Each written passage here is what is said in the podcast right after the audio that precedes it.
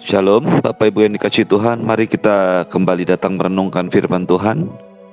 Ya diambil dari 1 Tesalonika pasal yang keempat ayat yang ke-9 sampai dengan ke-18. 1 Tesalonika pasal yang keempat ayat ke-9 sampai dengan 18. Tentang kasih persaudaraan tidak perlu dituliskan kepadamu, karena kamu sendiri telah belajar kasih mengasihi dari Allah. Hal itu kamu lakukan juga terhadap semua saudara di seluruh wilayah Makedonia. Tetapi kami menasihati kamu, saudara-saudara, supaya kamu lebih bersungguh-sungguh hati melakukannya. Dan anggaplah sebagai satu kehormatan untuk hidup tenang, untuk mengurus persoalan-persoalan sendiri, dan bekerja dengan tangan, seperti yang telah kami pesankan kepadamu. Sehingga kamu hidup sebagai orang-orang yang sopan di mata orang lain, dan tidak bergantung kepada mereka. Selanjutnya kami tidak mau saudara-saudara bahwa kamu tidak mengetahui tentang mereka yang meninggal, supaya kamu jangan berduka cita seperti orang-orang yang lain yang tidak punya pengharapan. Karena jikalau kita percaya bahwa Yesus telah mati dan bangkit, maka kita percaya juga bahwa mereka yang telah meninggal dalam Yesus akan dikumpulkan Allah bersama-sama dengan dia. Ini kami katakan kepadamu dengan firman Tuhan, kita yang hidup, yang masih tinggal sampai kedatangan Tuhan, sekali-kali tidak akan mendahului mereka yang telah meninggal. Sebab pada waktu tanda diberi, yaitu pada waktu penghulu malaikat berseru dan sangkakala Allah berbunyi, maka Tuhan sendiri akan turun dari surga dan mereka yang mati dalam Kristus akan bangkit lebih dahulu. Sesudah itu kita yang hidup yang masih tinggal akan diangkat bersama-sama dengan mereka dalam awan menyongsong Tuhan di angkasa. Demikianlah kita akan selama-lamanya bersama-sama dengan mereka, dengan Tuhan. Karena itu hiburkanlah seorang akan yang lain dengan perkataan-perkataan ini. Bapak Ibu yang dikasih Tuhan, Rasul Paulus sedang berkata-kata, sedang mengajar orang-orang jemaat gereja di Tesalonika tentang kebenaran-kebenaran firman Tuhan yang harus mereka ikuti supaya hidup mereka berkenan kepada Allah. Sebelumnya Paulus telah menyampaikan kepada mereka supaya hidup kudus, hidup dalam pengudusan karena Allah memanggil kita bukan untuk melakukan apa yang cemar, melainkan apa yang kudus. Setelah itu, firman Tuhan atau Rasul Paulus mengajar pada mereka tentang kasih persaudaraan. Sesuatu yang dia katakan tidak perlu kami tuliskan lagi kepadamu karena kamu sendiri telah belajar kasih mengasihi dari Allah. Kehidupan kekristenan tidaklah lepas dari kasih dan mengasihi. Orang Kristen bukan hanya menerima kasih dari Tuhan, tetapi juga harus mengasihi orang-orang lain. Kasih yang Anda dan saya terima dari Tuhan pada waktu kita percaya, bertobat dan menerima Yesus sebagai Tuhan dan Juru Selamat pribadi seharusnya menjadi kasih yang dibagikan, di-sharingkan kepada orang lain. Sehingga orang lain ikut bisa merasakan kasih yang daripada Tuhan. Firman Tuhan pagi ini mengajar kita dengan satu kebenaran yang sangat luar biasa. Kamu telah belajar mengasihi dari Tuhan. Kamu telah belajar sendiri dari Tuhan. Kata belajar dari Allah itu berasal dari bahasa Yunani Theodikta Theodidaktos. Theodidaktos ini diterjemahkan sebagai diajar atau belajar dari Tuhan. Hal ini menunjukkan sebuah divine, sebuah pengajaran yang berbeda, yang ilahi, yang kudus dari Tuhan. Dari kata ini juga, theodidaktos, muncul kata teologos atau teologian, divine. Bapak Ibu yang dikasih Tuhan, kekristenan adalah sebuah kehidupan pribadi kita bersama-sama dengan Allah. Allah memakai banyak manusia dalam hidup kita untuk membuat kita mengerti firman Tuhan, untuk membuat kita hidup dalam kebenaran. Tetapi tidak boleh dilupakan bahwa setiap orang percaya, setiap orang Kristen haruslah mampu diajar oleh Tuhan secara pribadi. Theo didaktos, Hal ini juga menjadi penting. Mengapa? Karena sering kali kesibukan dan semua pekerjaan bahkan dalam pelayanan membuat kita kehilangan waktu-waktu kita untuk diajar dengan Tuhan. Ketika waktu atau kegiatan kita terlalu banyak sehingga menyibukkan kita, pekerjaan, rumah tangga, dan bisnis. Seringkali kita lupa kita perlu duduk di bawah kaki Tuhan untuk mendengarkan pengajarannya. Theo Didaktos. Hal ini wajar mengapa karena Roh Kudus yang diberikan Allah tinggal dalam hati kita. Dialah yang akan mengajarkan segala sesuatu kepada kita dan memimpin kita ke dalam seluruh kebenaran. Ketika Anda dan saya tahu tujuan hidup kita, maka kita akan tahu Allah perlu melengkapi kita. Kita perlu dilengkapi Tuhan. Kita perlu diajar oleh Tuhan. Makna yang berikutnya dari Theodidaktos adalah setiap Anda dan saya harus memahami pengajaran yang dari Tuhan yang dinyatakan melalui hamba-hambanya orang-orang yang Tuhan tetapkan dalam hidup kita. Hal ini tentu saja tidak boleh membuat Anda dan saya tidak mau diajar oleh orang lain. Ini melengkapi apa yang seharusnya sudah Anda dan saya alami dalam hidup kita sehari-hari. Kita perlu orang lain yang mengajar kita, kita perlu orang lain yang memberitahukan, memimpin hidup kita. Tetapi kita harus tetap memiliki fondasi, orientasi hidup yang terus berhubungan langsung dengan Tuhan. Dari kata teodidaktos ini, muncul kata teologi yang artinya ilmu tentang teologi, tentang ketuhanan. Penting buat setiap mahasiswa, orang-orang yang bergerak dalam bidang teologi, pengajaran teologi. Mereka tetap juga harus memberikan kesempatan atau mengembalikan setiap orang untuk diajar langsung oleh Tuhan. Karena prinsip teologi adalah belajar dari Tuhan. Setiap Anda dan saya yang percaya dan bertobat menerima Yesus sebagai Tuhan dan Juru Selamat pribadi, kehidupan kita tidak berhenti di saat pertobatan kita. Justru itu adalah awal daripada kehidupan yang bertumbuh, berbuah, berubah. Semakin hari semakin mengasihi Tuhan. Kita perlu belajar dari Tuhan karena kita mengikut Tuhan. Kita perlu belajar dari Tuhan karena dialah pemimpin hidup kita. Kita perlu diajar oleh Tuhan karena Tuhan sudah memberikan sebuah pola ilahi yang ada dalam hidup dan pelayanan Tuhan Yesus. Inilah dikatakan oleh Paulus, kamu telah belajar dari Tuhan tentang kasih dan mengasihi. Tidak ada guru yang lebih baik daripada Tuhan. Orang dunia berkata pengalaman adalah guru yang terbaik. Tapi orang percaya haruslah mengatakan Yesuslah guru yang terbaik. Mereka jemaat di Tesalonika mengasihi belajar dari Tuhan dan itu sebabnya mereka lakukan itu bukan hanya kepada saudara-saudara mereka di kota Tesalonika.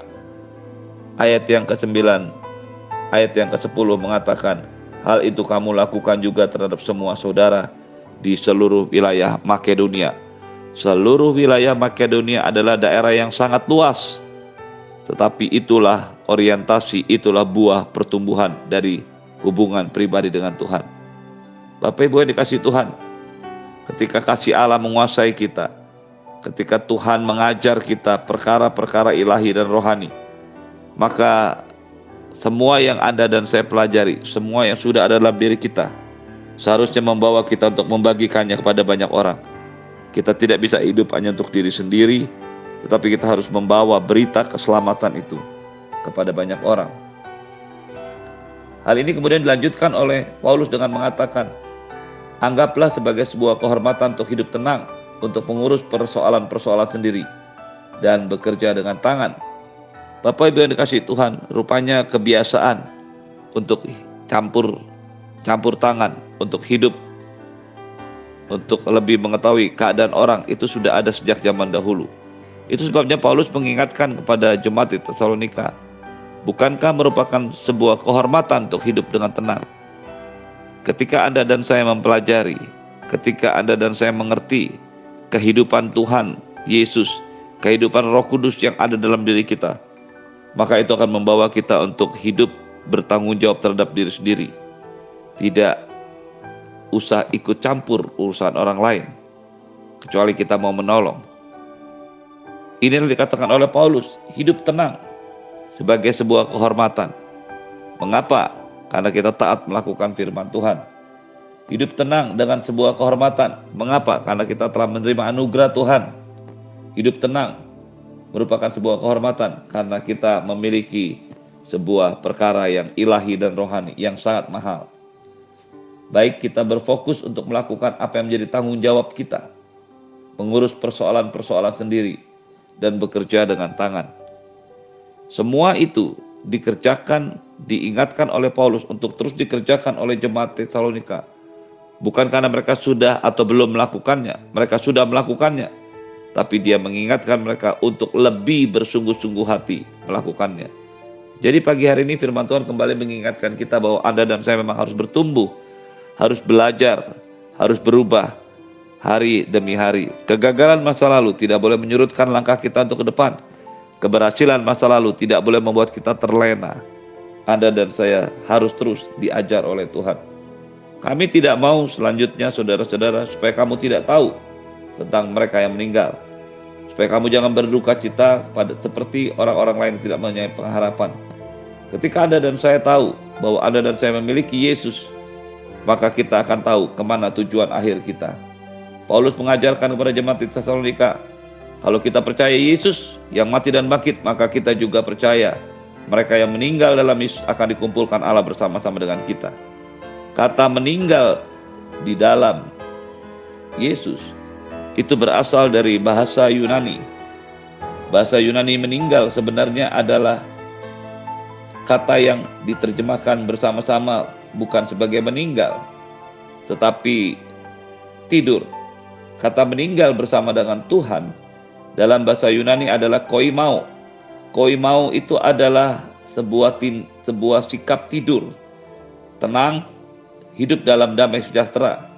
Jadi yang dimaksudkan oleh Paulus, mereka yang meninggal dalam Tuhan, mereka yang mati dalam Tuhan, mereka itu sebenarnya sedang tidur bersama-sama dengan Tuhan.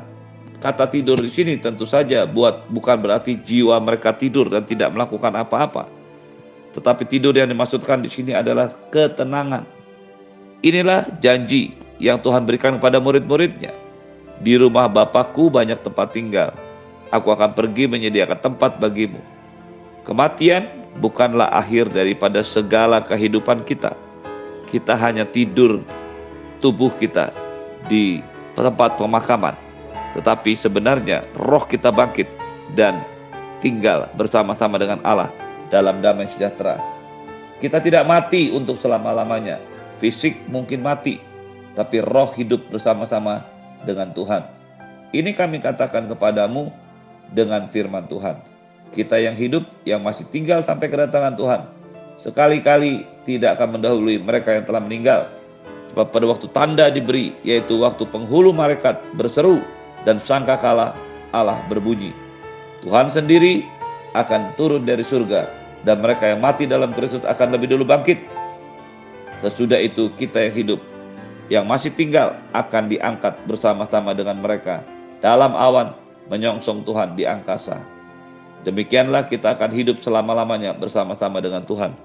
Bapak Ibu Saudara yang dikasih Tuhan, kekristenan, kehidupan kekristenan yang Anda dan saya hidupi hari ini akan membawa kita kepada satu titik akhir tinggal bersama-sama dengan Tuhan. Sebenarnya ini juga merupakan titik awal keberadaan manusia di dunia ini. Tuhan menjadikan manusia sebagai satu komunitas persekutuan untuk bersekutu untuk tinggal bersama-sama dengan Tuhan. Allah dengan kasih karunia yang besar menginginkan tinggal bersama-sama dengan manusia. Bahkan hari ini dia tinggal di dalam kita. Kebersamaan dengan Tuhan itu menjadi satu tolak utama tujuan akhir Tuhan atas hidup Anda dan saya. Setiap orang Kristen harus menyadari bahwa sejak semula, sejak awal manusia diciptakan untuk bersekutu, untuk tinggal bersama-sama dengan Allah. Pastikan kehidupan yang ada dan saya hidupi hari ini adalah sebuah latihan untuk hidup bersama-sama dengan Tuhan. Adalah sebuah pemanasan untuk nantinya hidup bersama-sama dengan Tuhan. Adalah sebuah kebiasaan, maaf, sebuah keadaan yang dibiasakan untuk Anda dan saya memiliki roh, jiwa yang siap bersekutu bersama-sama dengan Tuhan. Pada waktu sangka kala berbunyi, penghulu malaikat berseru dan Tuhan Yesus akan turun mengangkat turun dari surga dan mereka yang mati akan lebih dulu bangkit. Lalu mereka yang masih hidup akan diangkat. Kata diangkat berasal dari bahasa Yunani harpaso.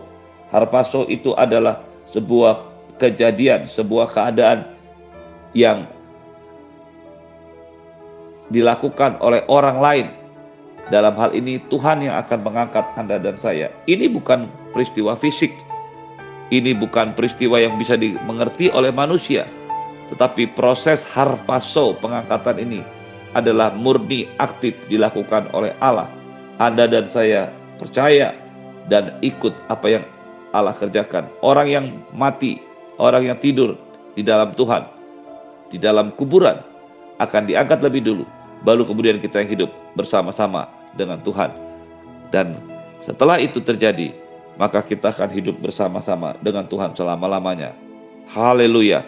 Inilah keadaan yang direncanakan Allah sejak awal dengan manusia inilah keadaan yang menjadi akhir daripada kehidupan manusia. Tinggal bersama-sama selama-lamanya dengan Allah. Terimalah berkat berlimpah dari Bapa di surga, cinta kasih dari Tuhan Yesus, penyertaan yang sempurna dari Roh Kudus, menyertai hidupmu hari ini dan sampai selama-lamanya. Amin. Shalom.